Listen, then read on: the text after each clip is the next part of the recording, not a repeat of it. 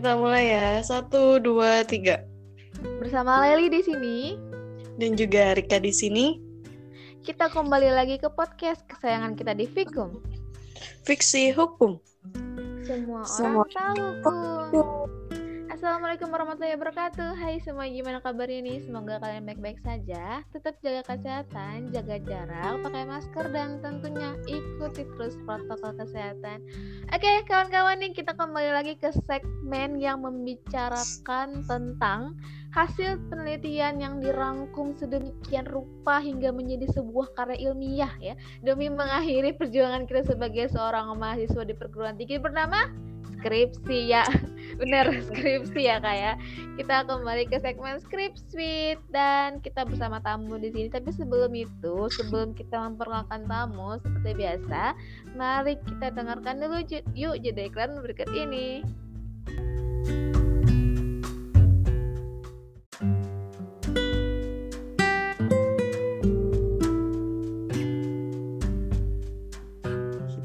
Ya, terima kasih teman-teman yang udah mau dengerin iklan dari kita dan tetap stay di Fiksi Hukum. Hari ini kita akan mem- membahas lagi. Hari ini kita berada di segmen Script Suite yang mana hari ini sedikit bocoran ya. Kita akan uh, berbicara tentang ahli waris gitu lah. Mhm. Jadi ada Mhm. hubungannya dengan warisan juga nih. Jadi Laili kalau punya warisan banyak dengerin fiksi hukum kita pada segmen kali ini. Langsung aja ya. Pasti penasaran juga nih siapa narasum kita. Telah hadir di fiksi hukum hari ini yaitu Rihma Danti. Halo Rihma. Halo, halo apa kabar Alhamdulillah baik. alhamdulillah baik Ngomong-ngomong ini ya, Rehma ini teman kita ya Lai, seangkatan juga di Fakultas Hukum. Jadi kita Mm, lama nih nggak ketemu Rehma juga. mm, mm. Oke, kita ini aja ya Lai, lanjut Mhm. eh, bahas terkait dengan judul nih. Kira-kira judul Hmm. lengkapnya Rehma nih apa sih? Uh, judul penelitian skripsi yang aku angkat berjudul Hukum Kewarisan Terhadap Ahli Waris Beda Agama, Studi Putusan nomor 4, garis miring PDTP, garis miring 2013, garis miring PA Badung. Oke, PA Badung. Oke, pembahasan yang sangat menarik tentunya karena kita kemarin kak ada eh, membahas masalah beda agama juga, tapi permasalahan perkawinan dan sekarang kita bahas masalah eh, waris nih. Nah, Iya, jadi Rihma lanjut kita ke latar belakang singkatnya nih Rihma mengambil skripsi ini apa judulnya? Uh, latar belakang masalah yang ada dalam skripsi yang aku angkat Pertama, hukum waris kan merupakan bagian dari hukum keluarga yang mencerminkan, mencerminkan sistem kekeluargaan dalam masyarakat muslim di samping hukum perkawinan. Dalam antropologi sosial, sistem kekeluargaan dalam masyarakat dapat didasarkan atas sistem keturunan yang unilateral dan bilateral. Uh, pengertian dari sistem keturunan yang unilateral adalah suatu masyarakat di mana anggota-anggotanya menarik garis keturunan hanya dari satu pihak orang tua saja, baik atau dari pihak ibu saja. Sedangkan pengertian dari sistem keturunan bilateral adalah suatu masyarakat di mana anggota-anggotanya menarik garis keturunan melalui orang tua. Hmm, penyelesaian sengketa waris bagi umat Islam awal mulanya pada tahun 1989 masih diberlakukan proses pemilihan hukum atau disebut dengan hak opsi, yaitu hak untuk memilih sistem hukum yang dikehendaki para pihak yang berperkara sebagai acuan hukum yang akan diterapkan dalam penyelesaian suatu perkara, baik itu mau diselesaikan di pengadilan umum atau di pengadilan agama berdasarkan Undang-Undang Nomor 7 Tahun 1989 Pasal 50. Namun, pada tahun 2006, kewenangan pengadilan agama diperluas dengan adanya Undang-Undang Nomor 3 Tahun 2006 perubahan atas Undang-Undang Nomor 7 Tahun 1989 tentang peradilan agama, yang mana sebelumnya hanya menangani sengketa di bidang perkawinan, waris, wasiat, hibah, wakaf, dan sedekah, maka ditambah menangani sengketa zakat, infak, dan ekonomi syariah. Juga pasal 2 istilah perdata tertentu dalam Undang-Undang Nomor 7 Tahun 1999 diubah menjadi perkara tertentu dalam Undang-Undang Nomor 3 Tahun 2006. Serta khusus dalam bidang kewarisan Undang-Undang Nomor 3 Tahun 2006 telah memberikan kekuasaan dan kewenangan penuh terhadap peradilan agama dalam menyelesaikan sengketa waris bagi umat Islam. Hal ini ditandai dengan dihapuskannya pilihan hukum penyelesaian perkara waris baik di peradilan agama atau di peradilan umum. Hukum kewarisan dalam Islam mendapat perhatian yang besar karena pembagian warisan sering menimbulkan akibat-akibat yang tidak menguntungkan, Kak, bagi keluarga yang tinggal mati. Timbulnya sengketa kewarisan dalam keadaan keadaan berlainan agama sebagai penghalang mendapatkan warisan sering menjadi konflik di antara para ahli warisnya. Kenyataannya, demikian telah ada dalam sejarah umat manusia hingga sekarang ini. Terjadinya gugat waris di pengadilan, baik pengadilan agama maupun pengadilan negeri, menunjukkan fenomena, fenomena, fenomena ini. Hmm, dalam kompilasi hukum Islam di Indonesia, ketentuan tentang halangan mewarisi karena perbedaan agama dapat terlihat dari pasal 171 dan 172, serta diperkuat dengan adanya fatwa MUI nomor 5 garis miring Munas 7 garis miring MUI garis miring 9 garis miring 2005 tentang kewarisan beda agama, di mana perbedaan agama merupakan salah satu penghalang untuk dapat saling mewarisi. Namun, dalam perkembangannya muncul pertimbangan-pertimbangan di mana anak yang beragama non-muslim dapat mewarisi harta warisan dari orang tua yang berbeda agama dengan anak tersebut. Mm -hmm. Mengenai pembagian harta warisan beda agama juga terjadi di pengadilan agama di Badung, daerah Balika. Hal ini sebagaimana putusan Pengadilan Agama Badung nomor 4 garis miring PDTP garis miring 2013 garis miring PA Badung yang mana hakim memutuskan anak yang beragama Islam dapat mewarisi harta peninggalan ibunya yang murtad atau berbeda agama. Begitu pula dengan anaknya yang murtad atau berbeda agama juga mendapatkan warisan dengan jalan wasiat wajibah atas harta ayahnya yang muslim. Sekian Kak untuk latar belakang masalah. Iya. Yeah. Okay ini kita kayak dengerin skripsi ya, Lai. Emang skripsi? Iya, maksudnya orang skripsi gitu loh. Oke, lanjut ya kalau itu tadi udah latar belakangnya. Sekarang ini uh, rumusan masalah yang Rehma ambil apa nih? Uh, rumusan masalah yang aku angkat sendiri di penelitian skripsi ini. Yang pertama, bagaimana sih tinjauan hukum Islam yang berlaku di Indonesia terhadap putusan nomor 4 garis miring PDTP garis miring 2013 garis miring PA Badung ini? Yang kedua, uh, apakah putusan nomor 4 garis miring PDTP garis miring 2013 garis miring PA Badung sudah sesuai dengan hukum Islam yang berlaku di Indonesia? Hmm, iya, iya. Oke, nah dari rumusan masalah tadi, pembahasan singkatnya untuk yang pertama apa nih, Mak? Pembahasan untuk rumusan masalah pertama ya, Kak ya, tinjauan hukum pewarisan Islam yang berlaku di Indonesia terhadap putusan Pengadilan Agama Badung nomor 4 garis miring PDTP garis miring 2013 garis miring PA Badung. Pembagian harta peninggalan dalam hukum Islam tidak hanya dilihat dari sudut pandang ahli waris yang menerima harta peninggalan pewaris, tapi juga perihal yang menghalangi ahli waris untuk mendapatkan harta peninggalan pewaris. Hmm. Selain pembagian harta peninggalan, dalam kewarisan Islam juga diatur tentang perolehan harta peninggalan oleh karena peristiwa kematian pewaris. Tata cara perolehan harta peninggalan pewaris kepada ahli waris dapat dilakukan dengan cara wasiat. Nah, di sini Kak, bakal dijelaskan kenapa sih hmm, ahli waris ini mendapatkan harta warisan lewat jalur wasiat. Sedangkan yang kita tahu sendiri dalam konsep hukum fikih Islam, dalam konsep fikih Islam bahwasanya uh, jika ahli waris maupun pewaris beragama non Muslim tidak dapat mewariskan atau mendapatkan warisan dari pewaris atau ahli waris non Muslim. Jadi di sini saya akan paparkan wasiat pengertian wasiat dalam sistem hukum Islam Indonesia yaitu wasiat dalam sistem hukum Islam Indonesia belum diatur secara material dalam suatu undang-undang seperti kewarisan barat dalam kitab undang-undang hukum perdata. Wasiat hanya diatur dalam kompilasi hukum Islam sebagaimana termuat dalam instruksi Presiden nomor 1 tahun 1991. Wasiat ini Kak diatur dalam bab 5 yaitu pasal 194 sampai dengan pasal 209 kompilasi hukum Islam. Pasal 194 ini sampai dengan pasal 208 mengatur tentang wasiat biasa, sedangkan dalam pasal 29 mengatur tentang wasiat yang khusus diberikan untuk anak angkat atau orang tua angkat. Dalam hazanah hukum Islam juga dikenal dengan wasiat wajibah. Kita langsung ke pengertian wasiat wajibahnya. Wasiat terambil dari kata bahasa Arab al-wasiyah jamaknya wasaya secara harfiah antara lain berarti pesan, perintah dan nasihat. Ulama fikih mendefinisikan wasiat dengan penyerahan harta secara sukarela dari seseorang kepada pihak lain yang berlaku setelah orang tersebut wafat, baik harta itu berbentuk materi maupun berbentuk manfaat.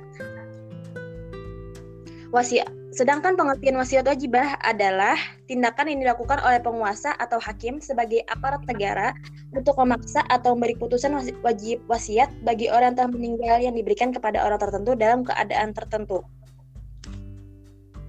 Di sini dalam pembahasan saya juga membahas tentang pendapat ulama tentang wasiat wajibah, Kak. Ada beberapa ulama yang yang setuju dengan wasiat wajibah, ada yang beberapa ulama juga tidak menyetujui menyetujui adanya wasiat wajibah. Hmm. Karena yang kita tahu sendiri kan tadi sudah saya jelaskan sebelumnya dalam konsep fikih Islam tidak mengenal adanya pewarisan perbedaan terbeda agama. Sedangkan dalam putusan jurisprudensi Mahkamah Agung ini memperbolehkan, tapi dengan jalan wasiat wajibah, bukan jalan ahli waris. Tadi kan terakhir hmm, pendapat beberapa ulama dengan ulama lainnya saling bertentangan nih. Jadi ada penengah salah satu ulama bernama Imam Malik mengemukakan pendapat yang lebih realistis. Menurut dia, jika si mati tidak berwasiat, tidak perlu dikeluarkan harta untuk pelaksanaan wasiat. Tetapi jika si, was, si mati berwasiat, maka diambil sepertiga hartanya untuk wasiat. Berbeda lagi dengan Al-Syafi'i ini yang mengatakan meskipun si mati tidak berwasiat, sebagian hartanya tetap diambil untuk keperluan wasiat. Mm-mm. Masuk ke ke pembahasan rumusan masalah yang kedua, Kak. Mm-mm. Boleh. Sebelum memasuki analisis penulis, ada baiknya penulis masukkan terlebih dahulu nih beberapa jurisprudensi Mahkamah Agung Republik Indonesia yang menjadi salah satu pedoman bagi hakim pengadilan agama dalam memutus perkara terkait hukum kewarisan terhadap ahli waris beda agama yang ada di Indonesia. Pertama, dalam putusan Mahkamah Agung Republik Indonesia nomor 368 garis miring K garis miring AG garis miring 1995 yang menimbang bahwa anak yang pindah agama kedudukannya sama dengan anak lainnya, namun tidak sebagai ahli waris, melainkan mendapat wasiat wajibah. Kedua, Putusan Mahkamah Agung Republik Indonesia nomor 51 garis miring K garis miring AG garis miring 1999 yang menimbang bahwa ahli waris yang bukan beragama Islam, pewarisan dapat dilakukan melalui lembaga wasiat wajibah, di mana bagian anak yang bukan beragama Islam mendapat bagian yang sama dengan bagian anak yang beragama Islam sebagai ahli waris. Ketiga, putusan Mahkamah Agung Republik Indonesia nomor 16 garis miring K, garis miring AG, garis miring 2010 menimbang bahwa istri yang berbeda agama dalam kurung non-Islam yang telah menikah dan menemani pewaris selama 18 tahun pernikahan juga berhak mendapatkan harta waris melalui lembaga wasiat wajibah. Uh, dari hasil analisa peneliti terhadap putusan pengadilan agama, agama Badung dengan nomor perkara 4 garis miring PDTP garis miring 2013 garis miring PA Badung maka penulis dapat menguraikan pelayan sebagai berikut. Satu, bahwasanya para pemohon mengajukan penetapan ahli waris dari pewaris dalam kurung ibu dan bapak pemohon satu dan dua melalui permohonan volunteer karena di antara ahli waris tidak terjadi sengketa ahli waris. Jadi di sini kak mereka itu minta penetapan saja ke pengadilan agama ini. Mm-hmm. ahli waris ini. Oke. Okay. Kemudian kedua, bahwasanya pewaris yang merupakan ibu kandung pemohon satu dan dua beragama Hindu. Majelis Hakim berpendapat bahwa perkara ini merupakan kewenangan absolut pengadilan agama sebagaimana diatur dalam pasal 49 ayat 1 huruf B dan ayat 3 Undang-Undang Nomor 7 Tahun 1979 yang telah diubah dengan pasal 49 huruf B Undang-Undang Nomor 3 Tahun 2006 dan perubahan kedua dengan Undang-Undang Nomor 50 Tahun 2009 tentang peradilan agama yang mana menurut menurut penulis pertimbangan majelis hakim mendasarkan bahwa pengadilan agama berwenang menyelesaikan permohonan bagi masyarakat yang beragama Islam di Indonesia. Yang ketiga, bahwasanya ibu pemohon satu dan dua telah meninggal dunia dalam keadaan beragama Hindu, meski sebelumnya beragama Islam. Hal mana menurut pasal 171 huruf B kompilasi hukum Islam di Indonesia tahun 1991, seorang pewaris pada saat meninggal dunia harus beragama Islam bila mana dihubungkan dengan pasal 171 huruf C kompilasi hukum Islam secara eksplisit, kompilasi hukum Islam ini mengandung sistem persamaan agama, yakni agama Islam untuk dapat saling mewarisi yang mana menurut penulis asas persamaan agama menurut kompilasi hukum Islam diterobos oleh majelis hakim dengan pertimbangan sebagai berikut. Jadi di sini majelis hakim di Pengadilan Agama Badung ini Kak menerobos asas uh, di mana asas persamaan agama ada dalam kompilasi hukum tapi kompilasi hukum Islam tapi diterobos langsung oleh majelis hukum majelis majelis hukum majelis hakim dengan pertimbangan sebagai berikut. Mm-hmm. A. Menurut majelis hakim, sistem kewarisan Islam menganut sistem kekerabatan, baik secara nasabiah maupun secara hukmiyah. Sistem kekerabatan ini lebih utama bila dibandingkan dengan perbedaan agama sebagai penghalang mewarisi. Karena hukum kewarisan selain mengandung unsur ibadah, lebih banyak juga mengandung unsur muamalah. B. Menurut majelis hakim bahwa penghalang kewarisan karena berbeda agama haruslah dipahami secara cermat. Perbedaan agama itu ditujukan semata-mata kepada ahli waris. Bila mana seseorang ingin menjadi ahli waris untuk mendapatkan harta warisan dari pewaris, jangan sekali-sekali berbeda agama dengan pewarisnya yang muslim. Sekiranya hal itu terjadi, maka non-muslim tersebut tidak dapat menuntut agar dirinya menjadi ahli waris dan mendapatkan harta warisan dari si pewaris menurut hukum Islam. C. Menurut majelis hakim dalam perkara AQ, pewaris yang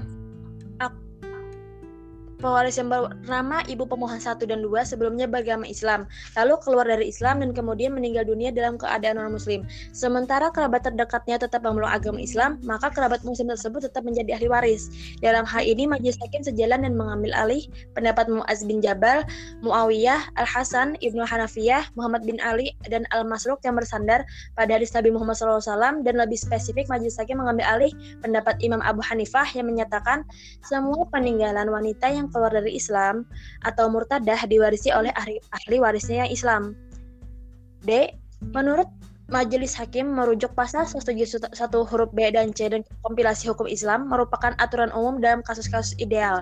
Sementara putusan pengadilan agama Badung nomor 4 garis miring PDTP garis miring 2013 garis miring PA Badung adalah perkara yang bersifat insidental di mana menurut majelis hakim dapat keluar dari ketentuan aturan tersebut karena hakim menggali perkara untuk menegakkan hukum dan keadilan. E. Menurut majelis hakim dalam menyelesaikan perkara waris, perkara waris dalam kasus yang ideal di mana pewaris hanya pewaris dan ahli warisnya beragama Islam. Majelis hakim akan merujuk kepada pasal 171 kompilasi hukum Islam. Sementara itu, dalam hal mana pewarisnya murtad atau telah keluar dari Islam, majelis hakim akan merujuk kepada pendapat hukum yang majelis hukum uraikan di atas. F. Menurut majelis hakim, ahli waris tidak beragama Islam, menurut hukum waris Islam tidak dapat menjadi ahli waris, namun hukum kewarisan Islam Indonesia mengandung asas legaliter. Maka kerabat yang beragama selain Islam yang mempunyai hubungan darah dengan pewaris tetap berhak mendapat bagian waris dengan jalan wasiat ajibah dengan tidak melebihi bagian ahli waris yang sederajat dengannya. Uh, dengan demikian, pada penetapan perkara ini diketahui bahwa pewaris ada ibu pemohon satu dan pemohon dua beragama non-Islam dalam kurung beragama Hindu yang dapat dibuktikan dengan keterangan kematian. Menurut majelis hakim yang menetapkan perkara ini, sistem yang dianut oleh kewarisan Islam adalah sistem kekerabatan. Sistem kekerabatan ini lebih penting daripada perbedaan agama sebagai penghalang kewarisan. Karena hukum kewarisan Islam selain menganut sistem kekerabatan, terdapat juga unsur ibadah dan unsur muamalah. Kekerabatan antara seseorang dengan seseorang tidak akan pernah terputus walau itu terhalang perbedaan agama. Seorang anak pun tetap mengakui ayah atau ibu kandungnya sekalipun ayah atau ibu kandungnya itu berbeda agama dengannya. Karena sejatinya agama Islam tidak pernah mengajarkan permusuhan terhadap saudara berbeda agama. Terlebih lagi mereka yang memiliki pertalian da darah. Akibat hukum adanya ahli waris beda agama dapat dilihat dari segi yuridis maupun dari segi kemanusiaan. Dan juga dapat dilihat dari dilihat dari segi kemanfaatannya. Uh, dilihat dari pertimbangan hukum di atas, telah jelas hakim dalam menetapkan perkara di atas tidak ingin keluar dari ketentuan agama. Karena bagi hakim, pengadilan agama dalam memutus perkara yang berkeadil, berke, berkaitan dengan agama Islam harus memperhatikan sumber hukum utamanya yaitu Al-Quran dan hadis. Setelah melihat ke sumber utamanya Al-Quran dan hadis, hakim harus mengacu kepada perundang-undangan dan sumber hukum lainnya yang berlaku di Indonesia. Uh, dengan demikian, menurut penulis ataupun saya sendiri, pertimbangan hukum dalam perkara ini tidak berlawanan dengan hukum Islam karena telah memenuhi unsur dari tujuan hukum Islam itu sendiri, yaitu pemeliharaan terhadap agama, jiwa, dan harta, serta dengan melakukan ketentuannya itu dengan tidak memberikan hak sebagai ahli waris, tetapi hanya diberikan sebagian harta dari peninggalan pewaris untuk pemenuhan kebutuhan hidup anak kandung non-muslim demi kelangsungan hidupnya. Hakim juga berusaha nih kak, menemukan hukum atau ijtihad untuk memberikan maslahat kepada semua pihak yang bersangkutan, sehingga orang melihat hukum Islam ini tidak angker atau kaku, karena hukum Islam ada sebagai rahmatan lil alamin untuk memberikan kemaslahatan bagi manusia. yang patut diapresiasi kepada hakim ini nih. Uh, dalam pertimbangan hukum dalam putusan nomor 4 garis miring PDTP garis miring 2013 garis miring PA Badung adalah keberanian hakim untuk melakukan terobosan baru dalam penemuan hukum tanpa ragu-ragu dalam menyelamatkan kepentingan bersama karena sejatinya pekerjaan hukum tidak hanya melakukan rulemaking atau disebut dengan membuat atau menjalankan, tetapi sesekali dalam keadaan tertentu juga melakukan, melakukan rule breaking atau terobosan. Dengan kata lain, putusan ini merupakan sebuah terobosan meskipun bertentangan dengan ketentuan undang-undang yang ada, akan tetapi lebih berpihak pada kepentingan umum dan menghargai nilai kemanusiaan. Nilai kemanusiaan yang ada di masyarakat harus dijaga sebaik mungkin dengan memberikan sebuah perlindungan sehingga hakim harus melakukan tindakan kontra legem, yaitu putusan yang bertentangan dengan pengaturan yang ada demi mencapai kata keadilan dan memberikan perlindungan terhadap ahli waris beda agama.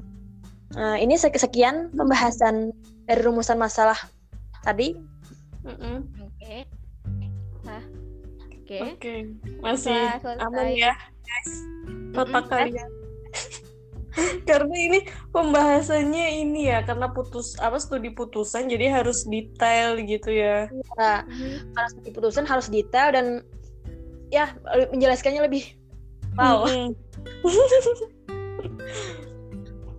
Oke, okay, okay, jadi okay. itu uh, pembahasan ya dari uh, dari skripsinya Rima. Kita lanjut ke sesi tanya jawab nih, Mak. Jadi yeah. ada beberapa pertanyaan yang mungkin Laili sama Rika akan tanyakan. Yeah. Oke, mungkin bisa dari Laili dulu ya, Kak ya. Mm -mm.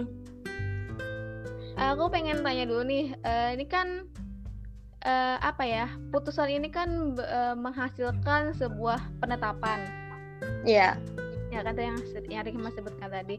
Nah mungkin hmm. kita kawan-kawan di rumah mungkin juga sudah mengenal yang namanya putusan biasa itu putusan hakim uh, yang kayak biasa-biasa. Nah berbeda dengan penetapan nih mungkin ada beberapa orang yang masih belum paham dengan namanya penetapan. Mungkin Rima kalau tahu uh, sepatah Rima saja apa sih perbedaan dari putusan dan penetapan? Uh, kalau setauku ya uh, tentang perbedaan antara penetapan dan putusan ini, kalau penetapan sesuai dengan hukum yang berlaku dan tidak dapat diganggu gugat. Sedangkan putusan ini masih dapat anggapannya secara kasarnya diganggu gugat ya lah, lah ya. Uh, dan dapat diajukan banding Oke okay, itu. Oh mungkin aku sedikit sedikit menambahkan aja ya karena ini mungkin ranahnya lebih ke acara ya karena Karima kan uh, perdata PK perdata ya. Mungkin sedikit, sedikit nambahkan aja kalau untuk putusan itu pada intinya kan ada ada yang namanya penggugat dan tergugat ya kan dan hmm. kalau untuk penetapan itu hanya ada pemohon satu dua dan seterusnya kayak gitu aja sih. Yeah. Oke. Oke lanjut ya. Uh, jadi aku tadi lihat ya bahwa Rema ini pro gitu ya sama putusan yang dibuat oleh hakim. Tapi kan dalam KHI kan udah sepakat bahwa beda agama itu dapat menghalangi hak waris itu sendiri. Nah, itu gimana tuh, Mak? Uh, yang aku ketahui sendiri sebagai penulis yang mengangkat penelitian skripsi ini dalam kompilasi hukum Islam kan tadi kata Rika sendiri dalam pasal 29 kan sudah disebutkan bahwasanya adanya larangan pewarisan antar beda agama. Namun uh, hakim di sini bukan menetapkan sebagai ahli waris terhadap pemohon terhadap anak dari pemohon ini. Mm-hmm. Tapi di luar dari ahli waris. Mm. Dan disebut ya tadi tidak masuk dalam ahli waris namun dapat namun mendapatkan harta warisan dengan jalan wasiat wajibah bukan dengan jalan ahli waris. Hmm, iya. Sehingga tidak sehingga tidak bertentangan dengan konsep hukum konsep fikih Islam. Hmm. hmm. Oke. Okay. Istilahnya kayak ahli waris tapi bukan dapat warisan tapi hmm. warisan wajibah gitu. Iya, bukan ahli waris namun mendapat warisan dengan lewat ah. wasiat wajibah bukan jadi bukan oh, jadi ahli waris. Hmm. Iya, iya benar-benar. Paham, Gitu, Kak. Iya. Dah. Oke. Okay.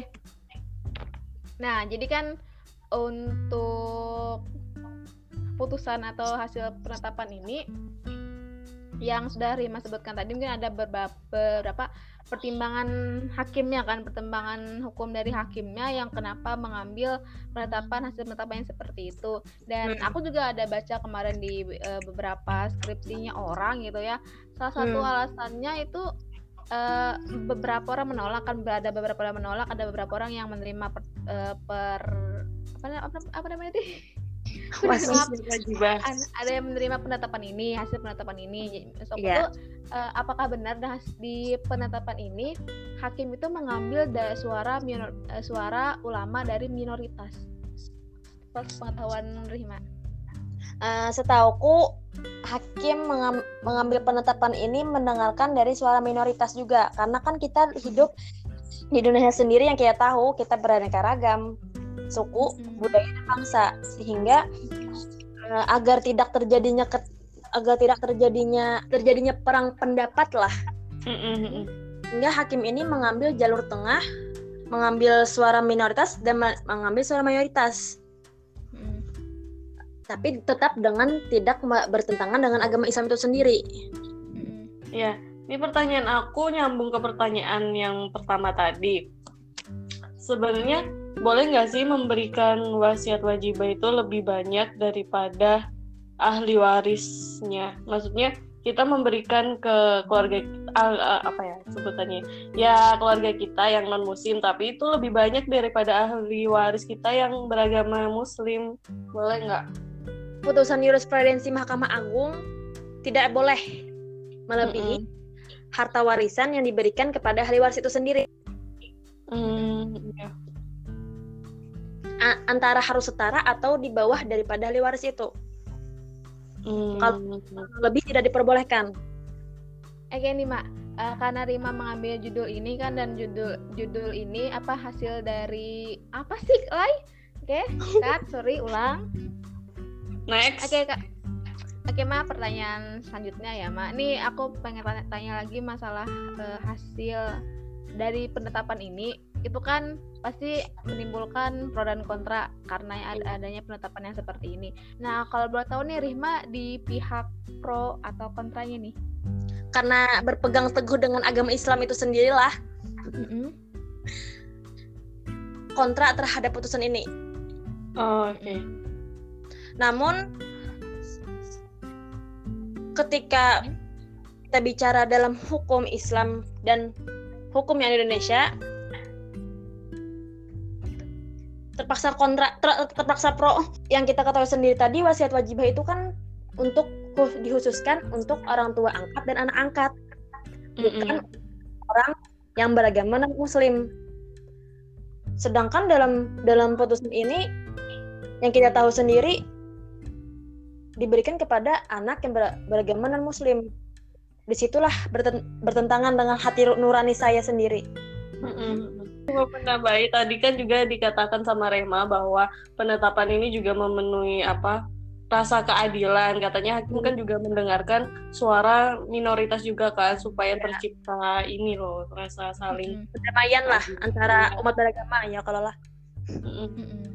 Hmm, mungkin hasil pertimbangan hakim juga mungkinnya ini un- penetapan hakim ini untuk kepentingan anak juga yang mana kan mungkin anak bukan bukan Islam bukan Islam lagi gitu tapi pengen ada haknya juga nih gitu dari orang Iya. tuanya meskipun non Islam gitu Good. Iya. Lanjut ya. Ini pertanyaan awam ya.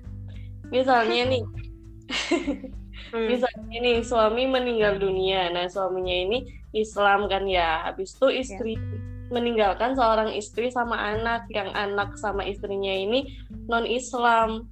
Habis itu kan dia nggak bisa dapat warisan tuh kalau kita melihat pada peraturan di KHI. Nah, kalau misalnya habis suaminya meninggal itu si anak dan istrinya masuk Islam tuh kira-kira dapat nggak harta warisannya? kalau dilihat dari hukum yang berlaku kalau si istri dan anaknya tadi masuk Islam maka mendapatkan ahli waris mendapatkan harta warisan dengan jalan ahli waris bukan jatuh wasiat wajibah tadi Hmm. namun jika masih dalam beragama non Islam mendapatkan mendapatkan harta warisan namun lewat jalur wasiat wajibah. Hmm. Berarti tetap bisa ya kalau dia mau masuk Islam gitu. Mm-mm. Jadi kalau masalah warisan ini kan masalah eh, sesuatu yang privat gitu kan, hukum perdata gitu kan warisan ini. Iya. Nah, eh, kalau setahu aku sendiri selama itu bisa dibicarakan dengan baik-baik itu nggak masalah gitu. Yang yang menjadi masalah adalah jikalau sesuatu itu menimbulkan sengketa di kemudian hari. Makanya ada, ada yang namanya hukum Islam. Eh, huk- apa kompilasi hukum Islam itu mengatur nih kalau mau pakai hukum Islam nih sudah ada aturannya loh. Tapi karena ini adalah eh, kekeluargaan, jadi eh, selama seluruh anggota keluarga itu ya silakan silakan aja itu nggak ada masalah sih menurut Pak Yuli kayak gitu. Hmm, iya iya iya. Oke, lanjut kita ke ini, Mbak, kesimpulan dan saran dari skripsinya Rima. Silahkan.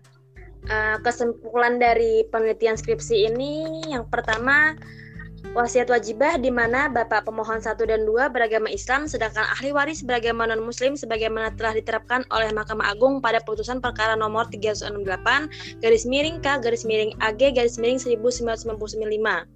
Yang kedua, pemberian harta warisan kepada ahli waris. Namun di sini saya sebagai penulis penelitian skripsi ini hanya mengangkat dalam hukum Islam saja dan pengertian dalam wasiat wajibah sehingga di sini yang kedua pemberian harta warisan kepada ahli waris di mana ibu pemohon satu dan dua yang beragama Hindu berhak memberikan kepada ahli waris yang beragama Islam dengan pertimbangan hukum pewaris yang bernama ibu pemohon satu dan dua sebelumnya beragama Islam lalu keluar dari Islam dan kemudian meninggal dunia dalam keadaan muslim sementara kerabat dekatnya tetap memeluk agama Islam lalu keluar dari Islam tetap memeluk agama Islam, maka kerabat muslim tersebut tetap menjadi ahli waris. Dalam hal ini majelis hakim sejalan mengambil alih pendapat Muaz bin Jabal, Muawiyah, Al-Hasan, Ibnu Hanafiyah, Muhammad bin Ali, dan Al-Masruq. yang bersandar pada hadis Nabi Muhammad SAW dan lebih lebih spesifik majelis hakim mengambil alih pendapat Imam Abu Hanifah yang menyatakan semua peninggalan wanita yang keluar dari Islam atau murtadah diwarisi oleh ahli warisnya yang Islam. Dari segi yuridis, kita dapat melihat peraturan yang ada dalam kompilasi hukum Islam pasal 171 huruf C di mana syarat menjadi ahli waris adalah orang yang pada saat meninggal dunia punya hubungan darah atau hubungan perkawinan dengan pewaris, beragama Islam dan tidak terhalang karena hukum untuk menjadi ahli waris. Sehubungan dengan peraturan yang ada, maka ahli waris yang beragama non-muslim tidak berhak untuk menjadi ahli waris. Karena ada salah satu syarat ahli waris menjadi terhalang untuk mendapatkan hak sebagai ahli waris. Namun dilihat dari segi kemanusiaan atau sosial, nilai keadilan serta kemanfaatan telah terpenuhi dengan adanya ketentraman bagi semua ahli waris dan memberikan kemanfaatan untuk kehidupannya sesuai jurisprudensi Mahkamah Agung nomor 368 garis miring K garis miring AG garis miring 1995 jurisprudensi Mahkamah Agung nomor 51 garis miring K garis miring AG garis miring 1999 dan jurisprudensi Mahkamah Agung nomor 16 garis miring K garis miring AG garis miring 2010. Dengan demikian, menurut penulis, pertimbangan hukum dalam perkara ini tidak berlawanan dengan hukum Islam karena telah memenuhi unsur dari tujuan hukum Islam itu sendiri, yaitu pemeliharaan terhadap agama, jiwa dan harta serta dengan pemberlaku, pemberlakuan ketentuannya itu dengan tidak memberikan hak sebagai ahli waris, tetapi hanya diberikan sebagai harta dari peninggalan pewaris untuk pemenuhan kebutuhan hidup anak-anak non-muslim demi kelangsungan hidupnya.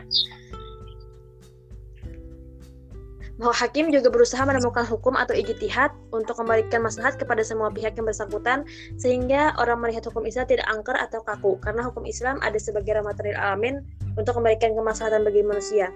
Pemberian wasiat wajibah ini kepada anak angkat atau orang tua angkat telah diterapkan oleh Mahkamah Agung RI sejak tahun 1998 hingga setidaknya dalam perkara terbaru tahun 2016 dengan telah konsistennya Mahkamah dengan telah konsistennya Mahkamah Agung RI tersebut menjadi jurisprudensi Mahkamah Agung. Uh, saran dari penulisan skripsi ini dari analisa yang penulis sampaikan di atas ada sedikit saran atau rekomendasi yang dapat penulis sampaikan untuk hukum kewarisan terhadap ahli waris beda agama ini. Bahwa majelis hakim sudah menggunakan fungsinya sebagai kekuasaan kehakiman dalam memutus perkara tersebut menggunakan kompilasi hukum Islam dan pedoman jurisprudensi Mahkamah Agung Republik Indonesia terkait hukum kewarisan terhadap ahli waris beda agama berdasarkan Undang-Undang Nomor 48 Tahun 2009 tentang kekuasaan kehakiman di mana dalam pasal 24 ayat 1 21 menegaskan bahwa kekuasaan kehakiman merupakan kekuasaan yang merdeka untuk menyelenggarakan peradilan guna menegakkan hukum dan keadilan sesuai ketentuan hukum kekuasaan itu sendiri. Akan tetapi, penulis berpendapat bahwa ada baiknya dalam kompilasi hukum Islam ini sebagai salah satu sumber hukum kewarganegaraan Islam lebih memperjelas tentang pembagian harta waris beda agama. Tidak hanya memuat aturan umum, tapi aturan khusus yang merinci tentang itu agar tidak terjadi perbedaan penafsiran dari aturan dengan ketentuan yang sudah ada. Itu tadi mengakhiri uh, podcast kita pada kali ini. Uh, Laili, Rika, dan Rima mohon maaf yang sebesar-besarnya apabila selama kami berpodcast ada salah kata dalam perbuatan dan kami juga bertiga terima kasih banyak pada para pendengar podcast Fiksi Hukum yang telah mendengarkan podcast untuk episode yang kali ini. Dan buat kalian yang pengen gabung juga ke podcast Fiksi Hukum di segmen Hotpot, Curhat, ataupun Script Suite, silahkan aja hubungi Laili dan Rika di Instagramnya di @fiksi.hukum. Kami tunggu kabarnya. Ingat, skripsi jangan hanya disimpan dan dibukukan, tapi sebarkan agar bermanfaat. Jangan lupa juga sampaikan kritik dan juga saran kalian ke Fiksi Hukum. Sampai jumpa di episode-episode selanjutnya. Tetap di Fikum. Fiksi Hukum.